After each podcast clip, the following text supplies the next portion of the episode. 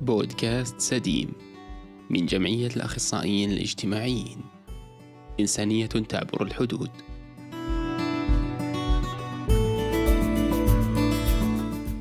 قيمة هذا التخصص؟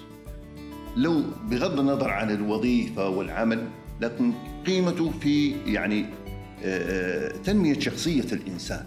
أول ما وصلنا هناك ولا نسمع صوت انفجارات و... اي على طول قالوا اطلعوا السيارات. ناس تتقاتل.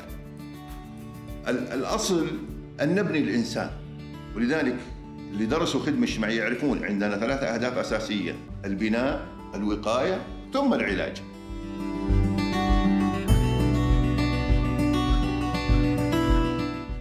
أهلا. اسمي سارة الملوحي. أقدم لكم بودكاست سديم مع زميلي سعود التميمي واللي نسعى من خلاله تبسيط المعرفة وتقديم لقاءات مع شخصيات ملهمة ومؤثرة. بعد انقطاع دام لأكثر من ثلاثة أشهر عدنا لكم من جديد بأول لقاءاتنا مع أحد رواد العمل الاجتماعي بالمملكة وقامة علمية في مجال الخدمة الاجتماعية. أترككم مع اللقاء.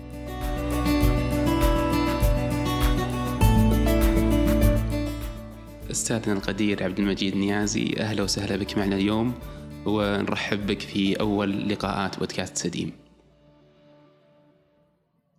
الله يحييكم وشاكر لكم على هذه الاستضافة وأشكر الجمعية جمعية الأخصائيين الاجتماعيين على إتاحة الفرصة للحديث عن آه، تخصص الخدمة الاجتماعية وأتمنى أنه يكون في شيء مفيد في هذا اللقاء إن شاء الله. الله يحييك ويسعدك ونحن جدا ممتنين آه، لإتاحة الفرصة ولوقتك الله يخليك.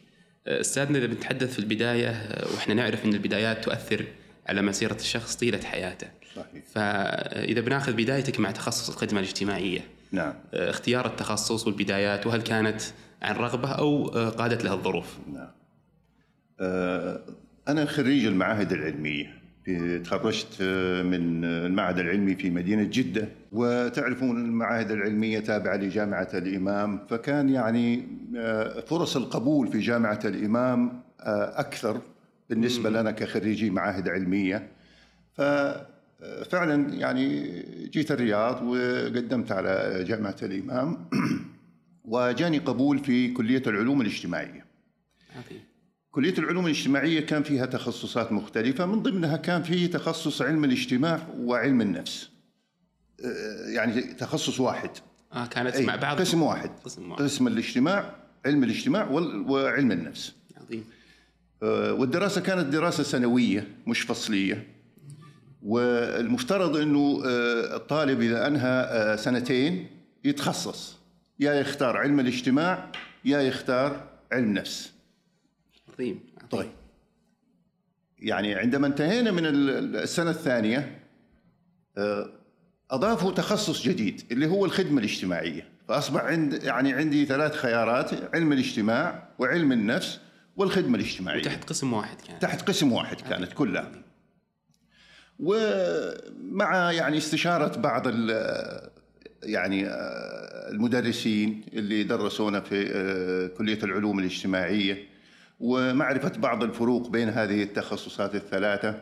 فبتوفيق من الله سبحانه وتعالى دخلت إلى قسم الخدمة الاجتماعية. وكنا أول دفعة في هذا التخصص. وكنا أربعة طلاب أربعة طلاب فعلا اللي اختاروا الخدمة الاجتماعية. بقية الزملاء ما بين علم الاجتماع وعلم النفس. فانتهينا من آه، آه، الجامعة. وحتى عملية التعيين أنا يعني ما كانت الجامعة بحاجة إلى معيدين جدة القسم أو جدة التخصص عندهم؟ نعم. يعني كانوا بحاجة للمعيدين بحكم التخصص طبعا. قسم جديد هل كان في سعوديين يدرسونكم أستاذنا أو؟ لا سعوديين ما كانوا فيه. يعني جميع أعضاء التدريس اللي آه، درسونا كلهم من يعني الدول العربية من مصر من سوريا من آه، الأردن وهكذا. الجامعة كانت بحاجة إلى طبعا إعداد أعضاء هيئة التدريس في هذه التخصصات الجديدة في الجامعة.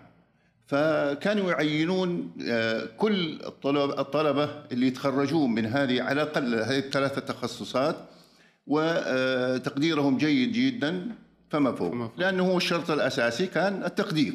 تقدير اي يعني نحن ما قدمنا على الجامع وإنما الجامعة هي عينتنا كمعيدين يعني بعد التخرج بفترة وجيزة يعني ما يمكن أتوقع شهر من تخرجنا والحمد لله تعيننا كمعيدين في ال- ال- الجامعة في الأقسام المختلفة.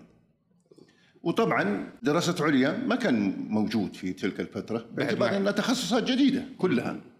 يعني ما في دراسات على مستوى الماجستير والدكتوراه في علم الاجتماع ولا في علم النفس ولا في الخدمة الاجتماعية فكان كانت الجامعة تخطط على ابتعاث. الابتعاث. إي نعم ابتعاث. وكانت فترة فعلا يعني الجامعة تهتم بعملية الابتعاث في التخصصات الجديدة. فابتعثنا إلى الولايات المتحدة الأمريكية. أنا أذكر جميع زملائي حتى اللي كانوا درسوا معايا في السنة الأولى والثانية في علم الاجتماع وعلم النفس وتخرجوا معانا في هذه التخصصين. كلهم تعينوا معيدين. وابتعثوا للولايات المتحدة الأمريكية. وكيف كانت يعني أنا جربت الغربة لكن في سنوات قليلة القليله الماضية لكن كيف كانت التجربة؟ أعتقد في منتصف الثمانينات. نعم هي كانت كانت تجربة الغربة والابتعاث والدراسة آه، بعيدة؟ والله كان في في تخوف صراحة في البداية. يعني كان في تخوف إنه آه، بيئة جديدة ونحن أصلا خريجين المعاهد العلمية ما درسنا لغة إنجليزية لغتنا الإنجليزية يعني صفر صراحة. فكان في تخوف في البداية ولكن يعني الكل كان مقتنع إنه هذا هو الطريق ما دام أنت خلاص رضيت بهذه الوظيفة فبالتالي هذا هو الطريق اللي أمامك لكي تكمل مشوارك في العمل الأكاديمي. فابتعثنا للولايات المتحدة الأمريكية والحمد لله درسنا في الماجستير بالنسبة لي درست الماجستير وكانوا في تلك الفترة كل الزملاء اللي آه، درسنا مع بعض وتعينوا معيدين في آه، علم الاجتماع وعلم النفس والخدمة الاجتماعية كانوا في آه، أمريكا. وإيش أبرز ممكن التحديات اللي واجهتكم في تلك الفترة؟ والله كانت كثيرة تحديات صراحة كثيرة جدا يعني بداية من القبول نحن انتقلنا من معهد إلى معهد معاهد تابعة للجامعات. معاهد اللغة. معاهد اللغة. كانت تابعة للجامعات. ففي جامعات يعني أول ما ذهبنا ذهبنا إلى ولاية ولاية اسمها أيدهو في مدينة اسمها بوكاتيلو. درسنا اللغة ونحن ما نعرف أنه أصلا الجامعة ما فيها التخصص. فقاعدين ندرس. درسنا فصل دراسي واحد. أنا ومعي اثنين من الزملاء. يعني في الخدمة الاجتماعية الأستاذ الدكتور آه، راشد الباز رحمه الله والدكتور عبد الله الصايغ كنا كلنا ندرس في نفس المعهد في آه، جامعة أيدهو. فاكتشفنا في يعني آه، في منتصف الفصل الدراسي آه، إنه الجامعة ما فيها تخصص خدمة اجتماعية، طيب تكلمنا مع بعض. طيب ليش نحن ندرس هنا؟ ما نروح في معهد تابع لجامعة فيها التخصص بحيث إنه يكون القبول سهل بالنسبة لنا. وفعلا قدمنا وجانا قبول من آه، جامعة في ميشيغان اسمها جامعة آه، ولاية ميشيغان ميشيغان ستيت. والثلاثة فعلا انتقلنا إلى ميشيغان ودرسنا هناك فصل دراسي. فصل دراسي لغة أو فصل اللغة دراسي؟ لا زلنا في مرحلة اللغة لا الآن. زلت بمرحله اللغة. يعني أخذنا فصل دراسي في أيداهو. ثم الفصل الثاني انتقلنا إلى آه، ميشيغان state.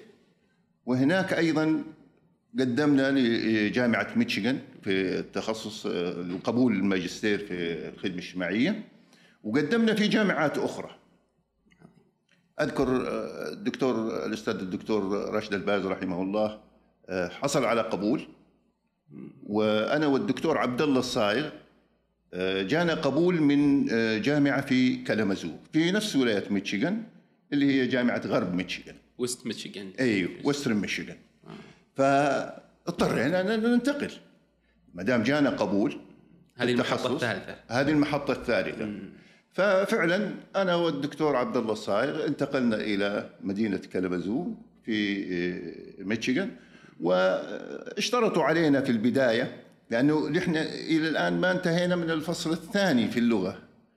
فاشترطوا علينا بعض المقررات في آه، قسم اللغة الإنجليزية. ندرسها.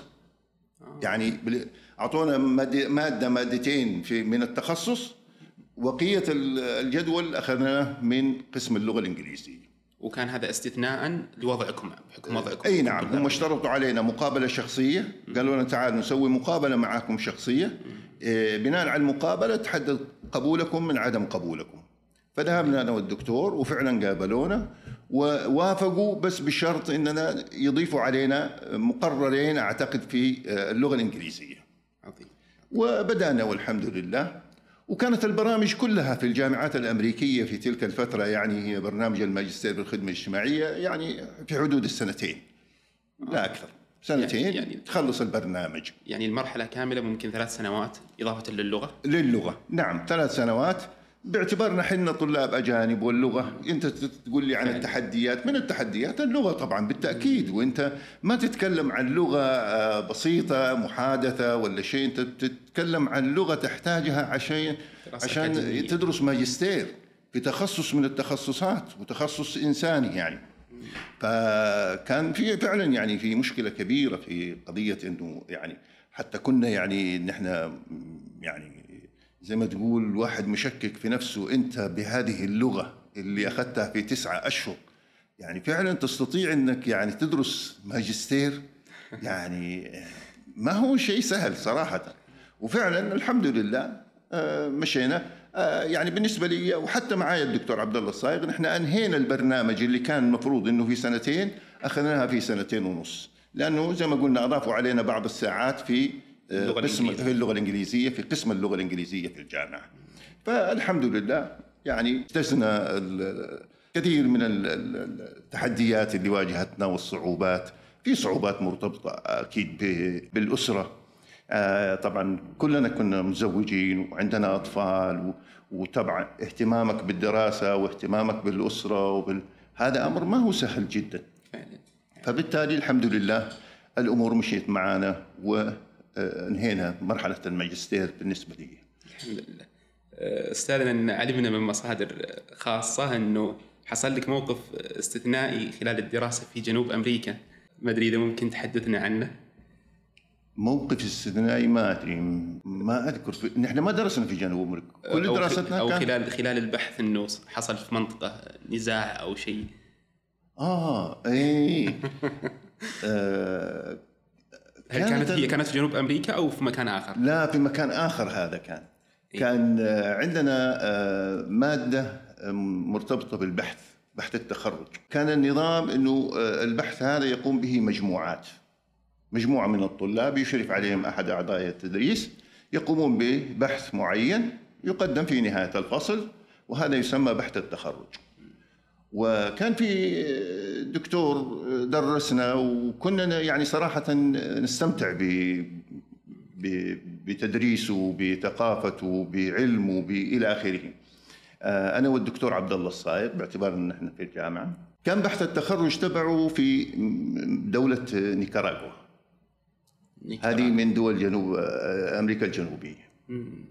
وفي تلك الفترة كان في يعني يعني حرب أهلية زي ما تقول في البلد. عام كم ممكن أستاذ؟ تتذكر؟ هذا عام ألف و أعتقد في 87 87 1907 إي 1987 فشفنا مجموعة من ال- الزملاء والزميلات اللي كانوا معنا في البرنامج سجلوا مع هذا الدكتور. قلنا تجربه منها نتمشى ونشوف بلد جديد. ومنها نكمل بحث التخرج.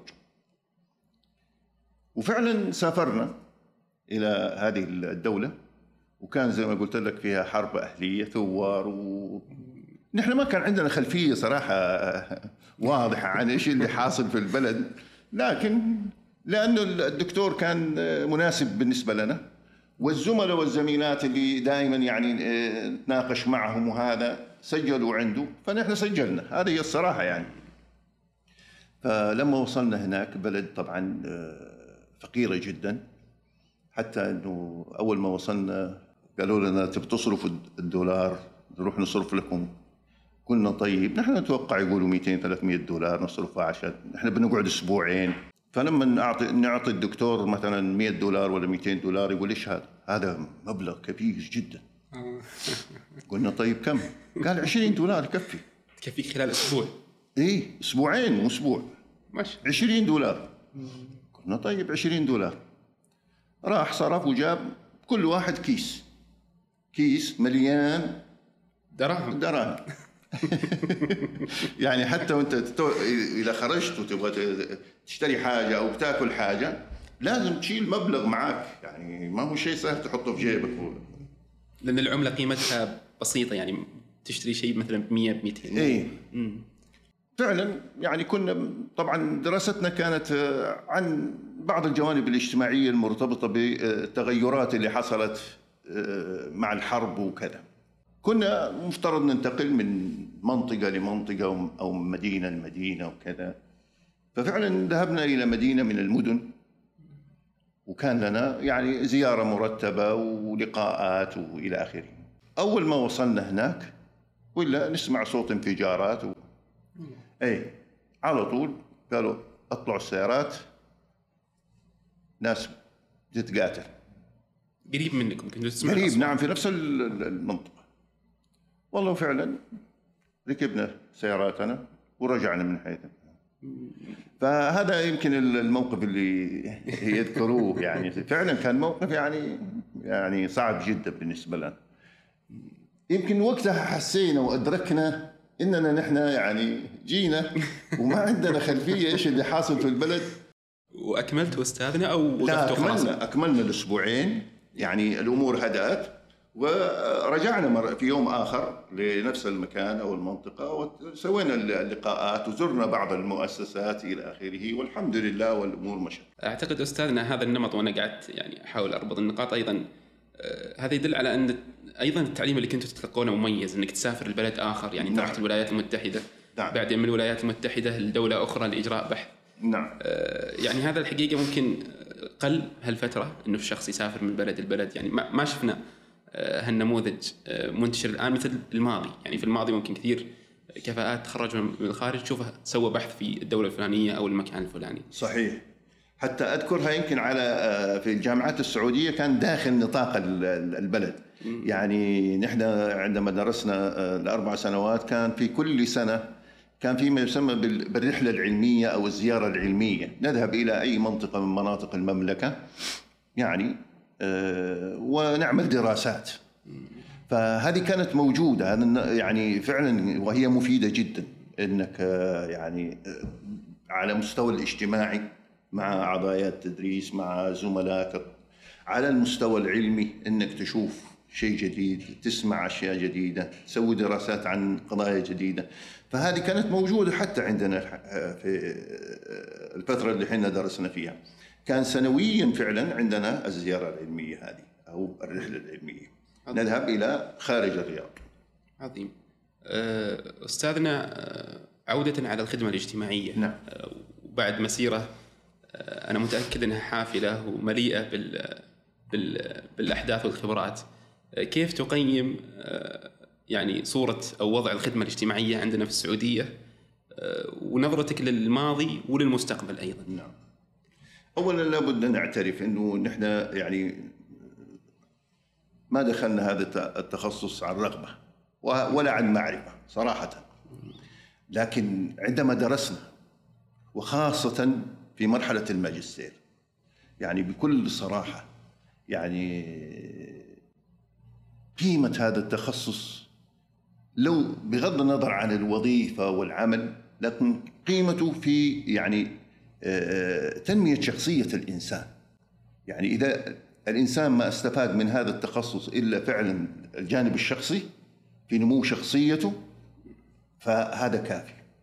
فلذلك يعني كنا مقتنعين آه، بالتخصص ولم يعني أندم في أي مرحلة من مراحل حياتي إني اخترت هذا التخصص ابدا. عظيم. الماضي في البدايات أنا يعني عندما عدت إلى المملكة العربية السعودية كان في نشاط نشاط آه، قوي جدا بالنسبة لكثير من المؤسسات اللي تعمل في مجال الخدمة الاجتماعية وخاصة في المجال الطبي. المستشفيات في المملكة بعض المستشفيات الكبيرة كان فعلا عندها نشاط تقيم الندوات الدورات المحاضرات يعني مناقشات إلى آخره فكان في اهتمام وكان في فعلا يعني أعداد كبيرة تهتم بأنها تعمل أي جهد من أجل يعني تعريف المجتمع بهذا التخصص. فلكن أبرزهم أعتقد كان المجال الطبي. زي مستشفى مثلا آه، الملك خالد تخصص العيون كان له يعني فعلا آه، آه، نشاط كبير في هذا المجال ما ينكر. وكان هناك مجهودات فردية لبعض الخريجين والخريجات يعني نماذج عندها رؤية عندها فكر عندها إدراك عندها رغبة في التطوير عندها رغبة في الجديد عندها رغبة في في الخدمه خدمة مجتمعها صراحة وكانت في تجارب آه، جميلة جدا آه، فيما يتعلق بالأنشطة سواء الأنشطة آه، الوقائية في مجال الخدمة الاجتماعية أو الأنشطة التعريفية بمهنة الخدمة الاجتماعية أو حتى الأنشطة العلاجية للعملاء داخل المؤسسات. فكان هذا النشاط كان بارز في المجتمع. يمكن يعني في بداية ممكن نقول من عام 2000 بدأ يخف هذا النشاط شوية. ما هو زي اللي اعتدنا عليه. وبالتالي يعني آه، حتى تواصلنا مع زملائنا وزميلاتنا في آه، المجال كان محدود جدا جدا جدا لكن في يمكن مجهودات فردية خاصة لبعض المتخصصين آه، يشكرون عليها. هذا ما ننكره. ولكن بشكل عام يعني كان في فعلا يعني نوع من الدروب. أنا أستاذ نتذكر الدكتور عبد الوهاب المسيري له كتاب رحلتي الفكرية في البذور والجذور والثمر أعتقد. نعم. وذكر إنه عمل في السعودية في في الثمانينات. نعم. واثنى على النشاط العلمي اللي كان موجود. نعم. آه، يعني ثناء واضح وكبير. وأيضا أنت لفتني أستاذ إنه فعلا النشاط أو النشاط اللي كان في الساحة الأكاديمية خف مع نعم. الوقت. نعم. آه، إيش الأسباب من وجهة نظرك؟ بحكم إنك عاصرت تلك المرحلة. والله مثلا لو جيت لي بالنسبة لي ولزملائي يمكن ضغوط العمل كانت آه، العامل الأساس. في آه، يعني قلة أو محدودية النشاط المجتمعي. مش النشاط الأكاديمي لكن النشاط المجتمعي. فكان محدود جدا. آه، أعداد عندنا الطلاب زادت. نحن وصلنا في مرحلة كان عندنا ثلاث فترات آه، عمل. تدريس. نعم تدريس. كانت الأولى تبدأ من الساعة السابعة صباحا إلى الساعة الواحدة ومن الساعة الواحدة إلى الساعة السادسة ومن الساعة السادسة إلى الساعة العاشرة. فأعداد الطلاب كانت كبيرة جدا فانشغلنا بالعمل الأكاديمي آه، وأيضا هذا يعود آه، أو يقودنا للمحور التالي وهو مشكلة بطالة الخريجين نعم. المتخصصين في الخدمة الاجتماعية نعم. فهل ممكن إنه بطالة الخريجين أيضا تعود إلى عدد الطلاب الكبير اللي ما يستوعب سوق العمل؟ هل ممكن نربطها بهالشكل؟ بالتأكيد يعني بالتأكيد واحد من الأسباب الأساسية يعني عندك أعداد كبيرة من الخريجين والخريجات. نحن ما نتكلم عن جامعة واحدة هي اللي بتخرج لا يعني عندنا الجامعات كلها ما شاء الله بتخرج في هذا التخصص من طلاب وطالبات. وحتى الأعداد كانت كبيرة. زي ما قلت لك جتنا فترة يعني استمرت يمكن سبعة ثمانية سنوات كان يقبل أعداد كبيرة جدا يعني توصل إلى 400 طالب في تخصص واحد. أحد الأسباب الأساسية سوينا ثلاث فترات هو فكرة الأعداد. أعداد عندي كبيرة من الطلاب في الأقسام المختلفة وقاعات قليلة. وأعضاء التدريس أيضا محدودين. فبالتالي أنا اضطريت إني أقسم اليوم الدراسي إلى ثلاث فترات دراسية عشان أستطيع أغطي هذه الأعداد. ويؤدي هذا بطبيعة الحال إلى ضعف المخرج؟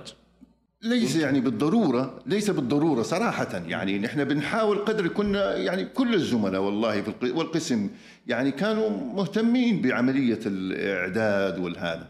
لكن بالتأكيد أنت ما تستطيع إنك يعني تحقق كل أهدافك. عندك آه، في جوانب تحتاج يعني مثلا مؤسسات التدريب كانت يعني جانب من جوانب الضعف في عملية الإعداد. مؤسسات التدريب ما كان في خبرات. يعني لا تنسى إنه هذا تخصص زي ما قلت لك أول دفعة تخرجت من جامعة الإمام 1401 وبإعداد بسيطة. يعني حتى اللي كانوا ماسكين عمل الخدمة الاجتماعية في المؤسسات في الميدان يعني كثير منهم من غير المتخصصين. فأنا أجي أدرب مثلا طالب في تخصص خدمة اجتماعية عند مثلا موظف أو أخصائي اجتماعي ما هو متخصص.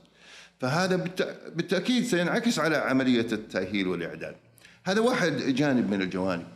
المراجع العلمية كانت آه، يعني شحيحة عندنا. يعني كنا نعتمد فقط على بعض الكتب الموجودة في آه، أو تصدر في مصر بالذات لكن المراجع العلمية الاجنبيه وهذا ما كان عندنا. وتعرف أنت هذا التخصص هو ما يعني نشأ وتطور ووصل إلى ما وصل إليه إلا في المجتمعات الغربية. فكان من الصعوبة إنك يعني آه، تجد مادة علمية يعني جديدة حديثة إلى آخره إلا إذا تهتم بالترجمة. وهذا جهد كبير يعني. كنا يعني نترجم بعض الأشياء وبعض الجوهر لكن بالتأكيد المراجع العلمية كان آه، يعني عندنا آه، عائق كبير. فكنا نعتمد على بعض الكتب القديمة حتى ما نقول جديدة. فهذا يعني مهم جدا في عمليتك لا تنسى إنه نوعية الطلاب أنت كقسم إذا ما كان لك يعني دور في عملية اختيار الطالب المناسب لهذا التخصص من جوانب يعني ما يكفي معدل. تقول والله معدل ثلاثة في مثلا هذا أقبل في التخصص هذا تخصص يحتاج إلى نوعية معينة من الطلاب بحيث أنه يكون والله يعني آه، آه، له مميزات سمات شخصية آه، نقول والله هذه تساعد على إنه فعلا يكون عندي أخصائي. كثير منهم قبل أصلا في الجامعة لأنه لم يجد قبول في تخصصات أخرى وجاء عندي مثلا في الخدمة الإجتماعية. طيب اذا هو أنا أقول لك في نسبة كبيرة منهم دخلوا القسم بدون رغبة لكن إذا أخذنا أستاذنا يعني إذا قرينا بمسألة إن عدد الطلاب كبير جدا ولا يستوعب سوق العمل بطبيعة الحال. نعم. من جانب آخر آه، هل المؤسسات اللي تستقطب الأخصائيين الاجتماعيين أيضا كافية عندنا في المجتمع أم أيضا لدينا قلة أو شح في المؤسسات وزيادة في عدد الطلاب فاتضحت أو تضاعفت المشكلة؟ آه، المؤسسات الموجودة في المجتمع وخاصة اللي يعني آه، لها علاقة قوية جدا بالخدمة الاجتماعية محدودة جدا. يعني أنت تتكلم عن إيش؟ مجالات الرعاية الاجتماعية تابعة لوزارة الشؤون الاجتماعية سابقا هي مجموعة برامج طيب بعدين إيش عندك؟ التعليم كان في يعني نزاع بين خريج خدمة اجتماعية علم نفس علم اجتماع ف يعني حتى هذا حيكون عدد محدود من التخصص خدمة اجتماعية اللي ممكن يقبل في مجال الإرشاد الطلابي. ف المجال الطبي طيب عدد المستشفيات كم؟ وكم أخصائي أو أخصائية يحتاج كل مستشفى؟ بالتأكيد هناك فعلا يعني مشاكل. الجمعيات الخيرية ما كان يعني مهتمة بأنه والله أجيب خريجين في هذا التخصص اللي ممكن يساعدونا في تطوير هذه الجمعيات وأنشطتها وممارساتها. لا كانوا ناس مسيطرين على هذه الجمعيات ماشيين يعني آه، وفق رؤية محددة أنشطة محدودة معروفة تقليدية. فما كان في يعني فعلا آه، مجالات متاحة متنوعة للخريج الخدمة الإجتماعية. ما له مجال إلا مجالات الرعاية وهذه محدودة حتى يعني كم تحتاج 10 20 أخصائي في السنة. المستشفيات نفس الحكاية. ففعلا عندي أعداد كبيرة من الخريجين ما عندي آه، أماكن في سوق العمل آه، ممكن تستوعبهم. ف وبعض المؤسسات حتى يعني صراحة ما هي مقتنعة. بعض الإدارات في بعض الجهات ما هي مقتنعة بالتخصص. فحتى بعض يعني الوظائف المخصصة للأخصائي المفترض أنه يكون عليها خدمة اجتماعية لا يعينون عليها من تخصصات أخرى. وهذا دليل على عدم قناعته بأن التخصص يعني قد يكون له يعني تأثير في أداء الوظيفة أو الدور المناط بهذا الموظف في المؤسسة. عظيم. أه من آه، جانب الفرد أو الأخصائي الاجتماعي أستاذنا آه، كيف ممكن آه، يتواكب مع الوضع ويطور نفسه.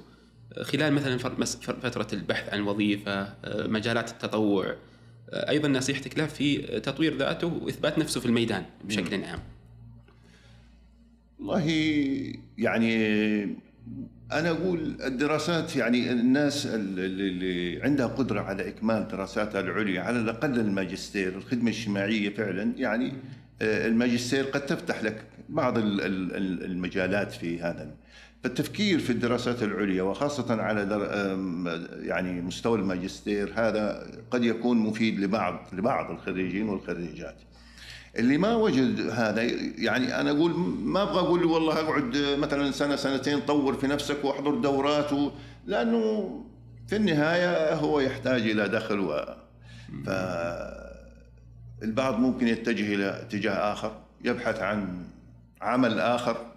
آه، مهما كان هذا العمل يعني نحن نشاهد في الدول العالم كله إنه مو شرط إنه أنا تخرجت خدمة اجتماعية لازم أتعين أخصائي اجتماعي وفي المؤسسة الفلانية ولا في المدينة الفلانية لا.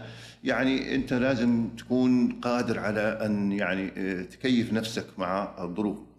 فبعضهم يتجه مجالات عسكرية مجالات آه، تجارية مجالات آه، أخرى. البعض يعني ممكن يعيد تأهيل نفسه في تخصص آخر. يعني يروح ويحضر ماجستير مثلا في إدارة الأعمال أو في المحا... في المحاسبة في تسويق في في في إلى آخره. وهذا اللي أيضا آه، برنامج الابتعاث عمل جزء يعني صغير في هذا المجال. وهذا يعني صراحة جيد لأنه إذا أنا ما عندي مكان لك شاغر أوظفك في الخدمة الإجتماعية لكن عندي في مجال التسويق ولا عندي في مجال المحاسبة وهذا ليش لا؟ أنا أغير توجهي وأحاول إني أبحث عن لكن انه نقول والله تحضر دورات وعمل تطوعي وهذا طيب وفي النهاية يعني هل تتوقع مثلا إنه عندنا أعداد كبيرة من الخريجين والخريجات هل تتوقع هذول كلهم حيحصلوا لهم وظيفة بعد سنة بعد سنتين؟ لا. فلازم الإنسان يفكر إيش البدائل اللي ممكن يعملها. حتى لو اتجه في مجال زي ما قلنا تجارة أو في إعداد نفسه في تخصص في مجال آخر زي المحاسبة تسويق إدارة أي شيء. أو حتى يعني يكمل دراساته العليا وهكذا. فانا أعتقد هذا هو عظيم عظيم جدا نعم. عودة أستاذنا على تخصص الخدمة الاجتماعية والتحديات والتغيرات اليوم على أرض الواقع. نحن اليوم نشوف مثلا في السابق مثلا شفنا التغير من الأسرة الممتدة إلى الأسرة النووية على سبيل المثال اليوم الأسرة تواجه تحديات آه، مع الأطفال مثلا في مسألة التقنية آه، وضبط استخدامهم للتقنية بما لا يؤثر عليهم آه، من وجهة نظرك كمتخصص كيف تشوف التغير اليوم بشكل عام على مستوى المجتمع؟ وفي مجال الخدمه مثلا في التعامل مع الطفل أو الجماعات في هالتغيرات اللي صارت. طبعا المجتمع مو بس هذه الأيام.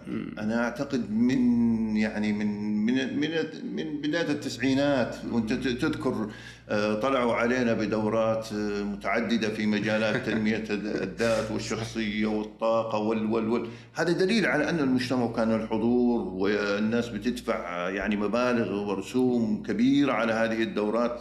هذا دليل على أن المجتمع بحاجة إلى إنه يفهم يفهم نفسه يفهم المجتمع يفهم آه، العلاقات الإنسانية كيف يتعامل مع الناس كيف يعني آه، ينشئ حياة سعيدة إلى آخره. آه، من هنا استغل بعض الناس حاجة المجتمع وبدأوا يعطوا دورات وهم ما هم متخصصين. يمكن اخذوا دورة في مجال معين لمدة أسبوعين لمدة شهر وصار مثلا آه، مدرب في مجال العلاقات الإنسانية وإلى آخره ولا مدرب في تقديم الاستشارات والى آخره.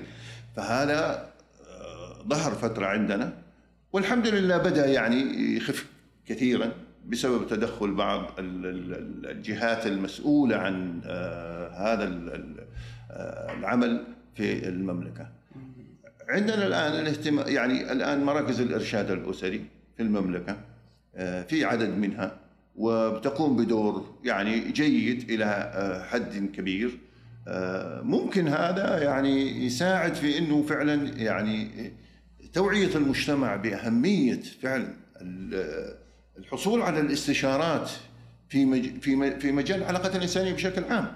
الإنسان يعني يمر في حياته بمجموعة من المراحل وكل مرحلة من هذه المراحل يعني فيها متغيرات مختلفة فيها تحديات مختلفة فيها صعوبات مختلفة فترة مراهقة فترة يعني الخطوبة فترة الزواج فترة الإنجاب فترة تربية الأطفال فترة هذه الفترات ما هي كذا تيجي أنا مستع أنا أدخل يعني بدون استعداد على الأقل يكون عندي نوع من الوعي في المرحلة اللي أنا مقدم عليها وكيف ممكن أتعامل معها بحيث إنها تصب يعني أعديها أعديها بأمان وبسلامة وإلى آخره. يعني عندما ننشر مثل هذا الوعي فممكن يعني هذا يستفيد منه كثير من الناس وكثير من الأسر. يعني ما إيش الكلمة هل الواحد يعني يعتقد إنه هي كده الحياة إنه خلاص نمر بهذه المراحل في حياتنا بدون حاجة إلى أي توجيه إلى إلى أي معلومة؟ لا مو صحيح. كل ما كنت مستعد للمرحلة اللي أنت مقبل عليها ولا يعني كلمة الاستعداد إنه يعني شيء ثقيل. لا ممكن بعض الأحيان دورة مثلا لما عملت وزارة الشؤون الاجتماعية سابقا آه، برامج المقبلين على الزواج. هذا برنامج كويس يعني فعلا يعطي فكرة عن للمقبلين على الزواج فكرة عن المرحلة اللي حيقدم عليها. وإيش الصعوبات والتحديات اللي ممكن يواجهها؟ وكيف ممكن يعني يتعامل معها؟ بحيث إنه مو أقل مشكلة وأقل آه، يعني ينهي هذه المرحلة بطريقة سلبية. فأنا أعتقد أنه آه، مراكز الارشاد الأسري أو مراكز الاستشارات الأسرية آه، ينبغي أن يكون لها دور في هذا الجانب وتتحول إلى تقدم خدمة لمجتمعها من باب المسؤولية الاجتماعية أنه مو شرط أنه قضية استشارات أسرية ولازم رسوم دائما وفلوس لا عليك مسؤولية. ولا بد تسوي برامج وأنشطة في خدمة مجتمعك. وجزء من هذه البرامج ينبغي أن يوجه للأسر بحيث أنها تستفيد من آه أنت ما تقدمه من علم ومعرفة واستشارة في سبيل أنه هذه الأسرة تعيش حياة سعيدة إلى درجة كبيرة. آه، أستاذنا آه، أيضا بحكم تخصصك في العلاج الاجتماعي هل ممكن تعطينا صورة أو نبذة عن آه، ما هو العلاج الاجتماعي وأهم مجالاته عندنا اليوم؟ نعم. والله بالنسبة نحن آه، أنا فعلا تخصصت في مجال العلاج الاجتماعي والعلاج الاجتماعي يعني طبعا الخدمة الاجتماعية أول شيء لابد نعرف أنه الخدمة الاجتماعية ليست يعني تخصص يهتم فقط بالتعامل مع مشاكل الناس لا هذا مو صحيح الأصل أن نبني الإنسان ولذلك اللي درسوا خدمة اجتماعية يعرفون عندنا ثلاثة أهداف أساسية البناء الوقاية ثم العلاج. البناء ماذا يعني؟ أن نساهم في بناء هذا الإنسان من خلال برامج من خلال أنشطة تساعد على إكسابه المهارات النفسية والمهارات الاجتماعية التي تساعد على أن يكون يعني تكون علاقاته الاجتماعية كويسة في تعامله مع كل شيء حوله. مو بس مع الناس. مع الحيوان مع الطريق مع الطاولة مع العلبة كل شيء. نعلم أو نبني الإنسان, الإنسان من خلال تنمية مهاراته في علاقته بما يحيطه عظيم. هذا مهم جدا. هذا الأصل. لأنك متى لما تبني كويس ما تحتاج العلاج. العلاج هي آخر آخر خطوة. ثم تأتي الوقاية. الوقاية يعني بعضهم يقول لك والله إيش الفرق بين الوقاية والبناء؟ لا البناء إنك موجه للكل كل أفراد المجتمع. نحن عددنا هنا 100 في هذا المجتمع. كل واحد يحصل على جرعة من آه، يعني آه، المهارات اللي تساعده على أنه يعني يعيش حياة مستقرة. الوقاية لا موجهة لشريحة في هذه المجموعة، هذول 100 لكن هذول العشرة أكثر عرضة لأنهم يقعون في المشاكل. ليه؟ لأنه عندهم فقط والله لأنه السمنة زائدة عندهم لأنه إذا في مؤشرات في علامات تقول لا هذول العشرة يحتاجوا إلى إيش؟ جرعتين مو جرعة واحدة ثلاث جرعات عشان أقيهم أمنع وقوعهم في المشكلات البناء للكل الوقاية لمجموعة. ثم آه العلاج. مهما عملنا لابد يعني نحن بشر نتأثر بما حولنا وممكن نملك كثير من المهارات وهذا لكن سبحان الله بعض الأحيان نقع في المشكلات. وهذا طبيعي زي ما قلت. هنا يأتي دور العلاج. إنك تساعد هؤلاء الناس في إعادة توازنهم. توازنهم النفسي الاجتماعي. لأنه في النهاية نحن هدفنا إنه إنسان سوي يملك من المهارات والقدرات النفسية والاجتماعية اللي تساعده على أن يتعامل مع مع حوله. هو ما استطاع إنه يتعامل مع هذا الشيء أو هذا الموقف أو هذا مع الزوجة مع الأبناء مع الكذا. فبالتالي نتدخل لكي نعيد المسار إلى الطريق الصحيح. العلاج أيوه زي ما العلاج في الطب يعني يعتمد عليه إنك تدرس مشكلة مرض هذا الإنسان تشخصها بأدوات بهذا ثم تضع خطة علاجية بالاتفاق مع هذا الإنسان تمشون عليها على أساس نصل إلى الهدف وهو إنه نعود إلى طريقنا اللي يساعدنا على أن نعيش حياة مستقرة. هذا يعني ببساطة يعني آه، فكرة العلاج الاجتماعي. وهل يعني آه، هل في مؤسسات اليوم تتبنى هذا النموذج العلاج الاجتماعي؟ وهل هل في جهد يبذل في هذا الخصوص اليوم؟ أو نحتاج آه، لبذل جهد أكبر أو استحداث مؤسسات أكثر؟ حسب معرفتي إنه في في يعني في بعض ال المستشفيات بالذات. يعني زي ما قلت لك المستشفيات. دائما هو يعني برزت الخدمة الاجتماعية من خلال هذه المجال الطبي. ولذلك تجد بعض المهتمين من الأخصائيين والأخصائيات في المجال الطبي صراحة عندهم يعني زي ما قلت لك حماس عندهم إدراك عندهم وعي. و من خلال عملهم في هذه المستشفيات وملاحظتهم للمرضى آه، يعني اهتموا بالجوانب الاجتماعية والنفسية آه، التي تؤثر على المرضى.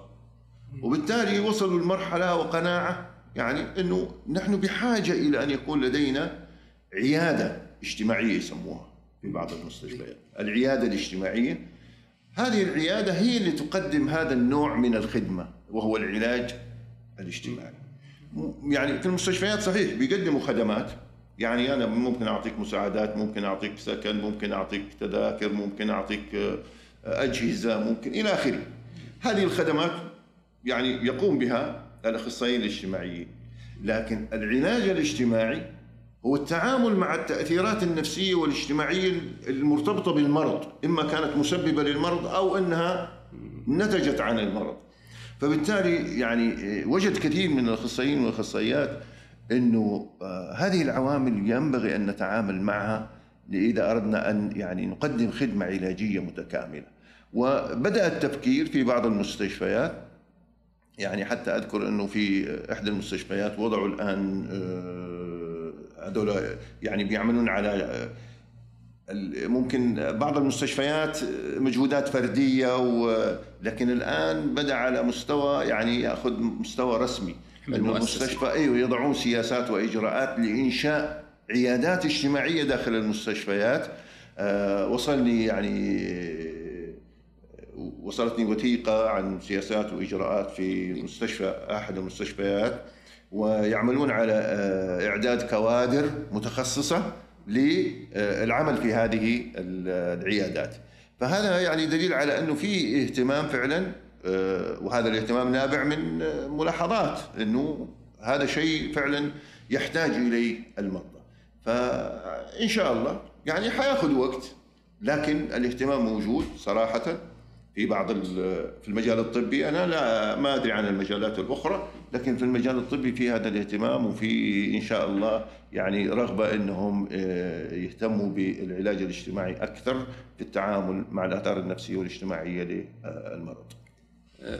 أستاذنا على مستوى الأفراد آه، ممكن من أهم الأسئلة اللي تتبادر في الذهن إنه متى يجب على الشخص أن يلجأ للجهه أو أشخاص يقدمون العلاج الاجتماعي ويساعدونه في هالمرحلة؟ نعم. متى أعرف إني محتاج للعلاج الاجتماعي؟ آه، طبعا آه، يمكن حديثنا الأول عن العلاج الاجتماعي ممكن البعض يقول لا هذا العلاج الاجتماعي معناه إنه ما في إلا في المستشفيات وفي المجال الطبي لا العلاج الاجتماعي آه، يعني مصطلح يطلق على التعامل مع المشكلات الاجتماعية بشكل عام يعني حتى لو في مشاكل زوجية مشاكل في تربية الأطفال إلى آخره مشاكل مرتبطة بالمراهقين مشاكل مرتبطة بالعلاقات ال- فأخصائيين اجتماعيين آه، عندهم عيادة مكتب. العيادة ما هو؟ مكتب. عبارة عن مكتب. يمارس فيه آه، تقديم العلاج الاجتماعي. هو أهم شيء فيما يتعلق بالعلاج هو أنك آه، تلتزم بالإجراءات المحددة في آه، برنامج العلاج الاجتماعي اللي هو أنك تدرس تشخص تعالج. ف يمكن فعلا يعني كثير ولا زال بعض المش... يمكن كل المجتمعات في نوعية من الأفراد ترى إنه اللجوء إلى الطبيب النفسي أو الأخصائي النفسي أو المرشد النفسي أو الأخصائي الاجتماعي إنه فيها شيء من ال... يعني ال- ال- العيب. آه، آه، لكن بدأ يتغير هذا. والدليل إنه عندنا مراكز دحين استشارات أسرية. هذه تعتبر زي العيادات يعني. زي العيادات فعلا الاجتماعية. آه، ففي إقبال من كثير من الناس. والله في إنهم يتعاملوا مع بعض القضايا اللي. مع الحفاظ على السرية طبعا هم لا زالوا. وهذا طبيعي إنه يكون هذا يعني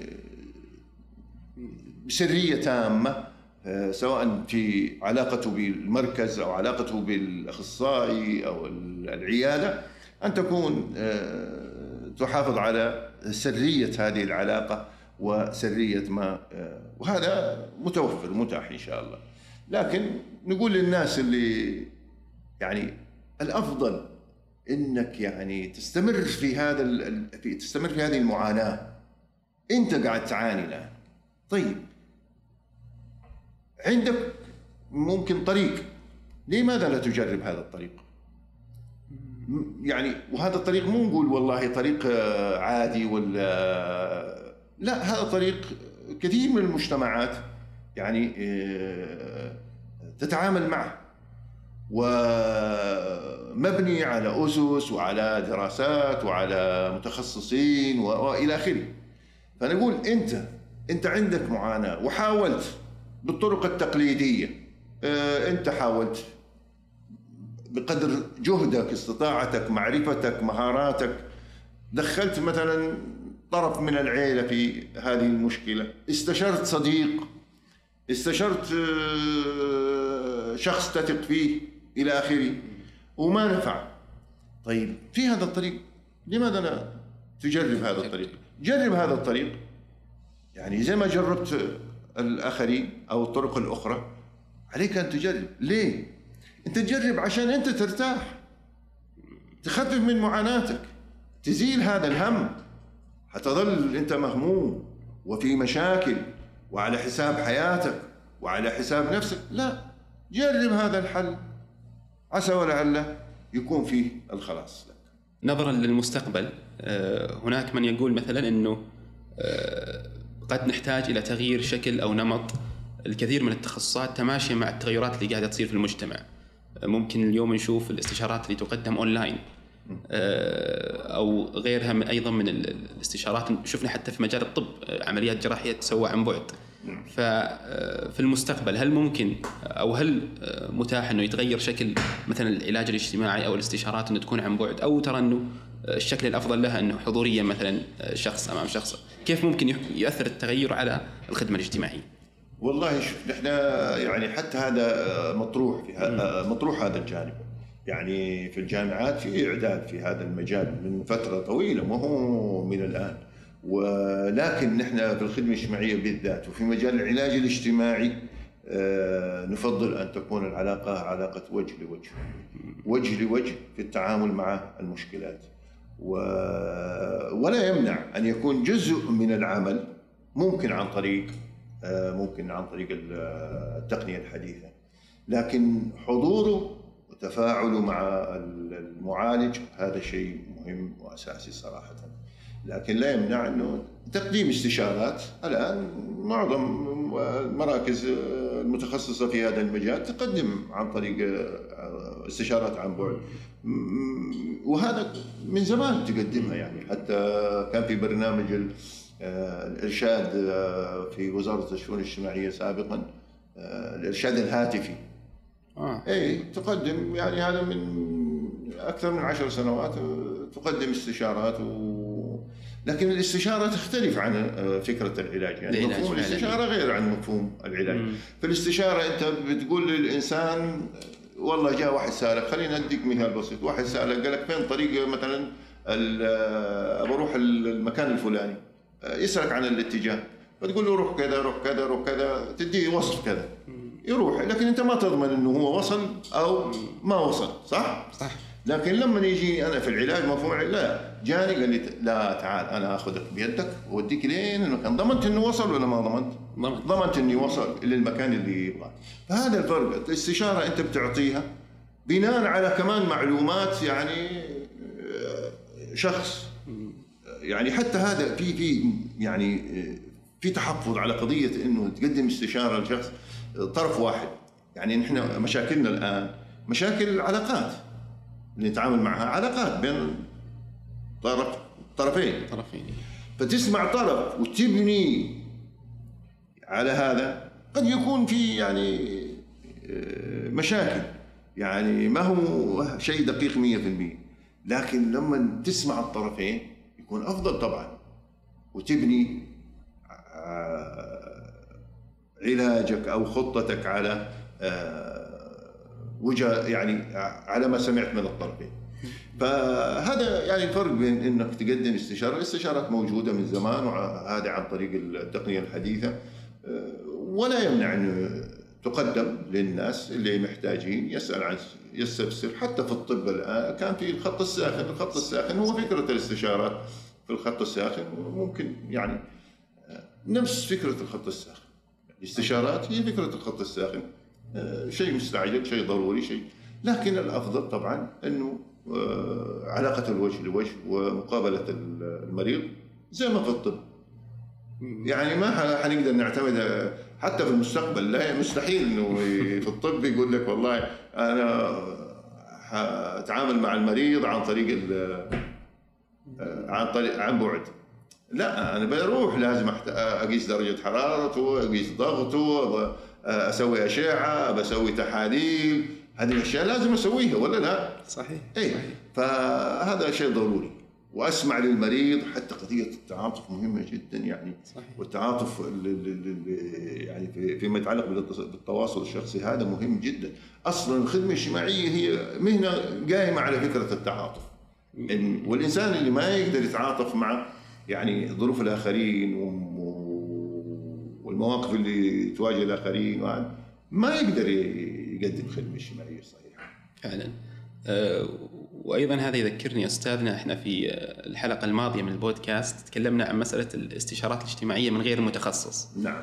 فممكن نشوف اليوم كثير في منصات مختلفة من منصات التواصل الاجتماعي أشخاص غير متخصصين ويقدمون استشارات وتجد آلاف يعني آلاف صحيح. الأشخاص بلا مبالغة يتواصلون معهم ويبحثون آه، عن آه، الاستشارات منهم آه، فهل هذا لو ربطناه بعمل الأخصائي الاجتماعي ممكن أيضا أن الناس كثير منهم يتحرج أنه يذهب للأخصائي ويقابله وجها لوجه أو يذهب لل لأي مكان فيه عيادة علاج اجتماعي ويحضر فيها وجها لوجه ف كيف ممكن نعوض أو نسد ما قام به الغير متخصصين في مجال الاستشارات.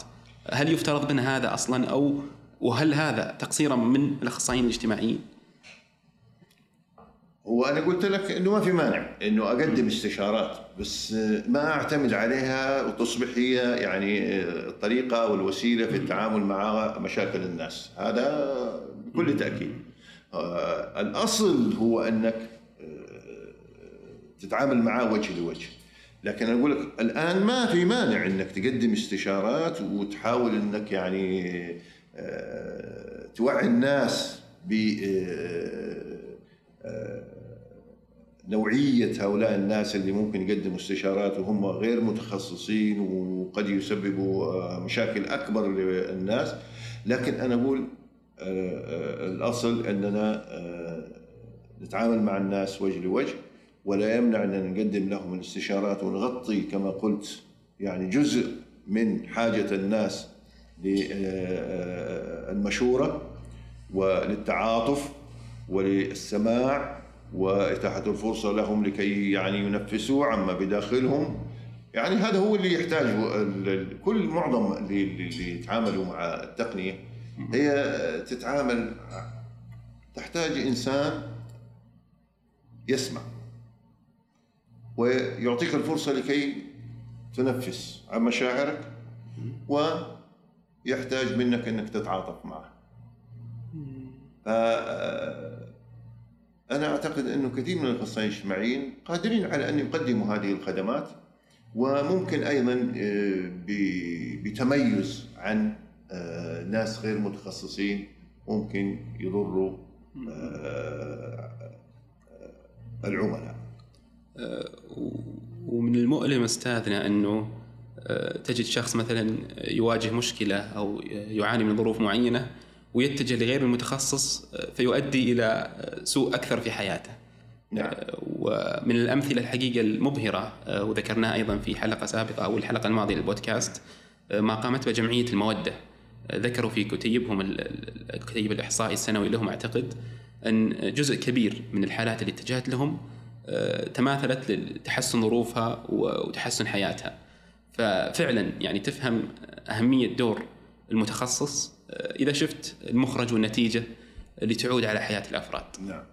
وهذا يحتاج يعني رسالة للناس المتخصصين في الخدمة الاجتماعية وفي المجالات الإنسانية بشكل عام إنه مهم جدا إنكم تهتموا بعملية توعية أفراد المجتمع. لأن الناس هذه اللي ذهبت إلى إنسان غير متخصص أو هو ما هو يعني آه، ما عنده معرفة. هي هذه الفكرة أنه ما عنده معرفة أنه هناك إنسان متخصص ممكن يساعده بشكل أفضل. فأنا ما نوم كثير من الناس لأنه ما يعرف. آه هو لو يعرف أنه في إنسان آه كفؤ متخصص في هذا المجال ممكن يلجأ له. لكن لجأ لهذا الإنسان لأنه سمع من الناس أنه والله هذا يقدم استشارات أو بالصدفة كذا شافوا على وسائل التواصل الاجتماعي هذه طريقته أو أسلوبه في آه، تقديم لا إذا نحن بحاجة إلى أن نوصل رسالة لأفراد المجتمع أنه والله هناك تخصصات تساعدك أو ناس متخصصين في مجال يعني المشاكل اللي أنت بتواجهها ممكن يساعدوك بشكل أفضل ولا آه، تلجأ إلى آه، أناس يعني غير متخصصين. فأعتقد التوعية مهمة ولا نلوم الناس اللي بتروح لناس غير متخصصين لأنهم ما يعرفوا إنه في هناك شيء أو تخصص يساعدهم في هذا المجال. أنا أعتقد إنه هذا هو دليل على أننا نحن مقصرين في عملية التوعية وايصال الرسالة للناس إنه يا ناس هناك مراكز أشخاص اكفاء آه، ممكن يقدموا لك المساعدة والاستشارة وهم المتخصصين في هذا المجال وإلى آخره. آه، يعني أستاذنا الكريم أنا ممتن جدا لإتاحتك الفرصة آه، وسعيد جدا أيضا بهذا اللقاء معك. شاكرين لك يعني باسم الجمعية واسمي واسم الجميع. الحقيقة نشكر لك حضورك ووقتك ونتمنى لك بإذن الله يوم سعيد يا رب. الله يسعدك. بالعكس أنا اللي شاكر لكم إنكم أعطيتوني فرصة إني أتحدث وإن كان حديث يعني كذا عام و... ابدا ابدا أيوه الله يسعدك. ما هو حديث اكاديمي وأتمنى لكم إن شاء الله التوفيق في كل مجهوداتكم في الجمعية آه، ودعواتي إن شاء الله لكم بالنجاح. الله يخليك يسعدك شاكرين لك الله يحفظك وعسى ما طولنا عليك.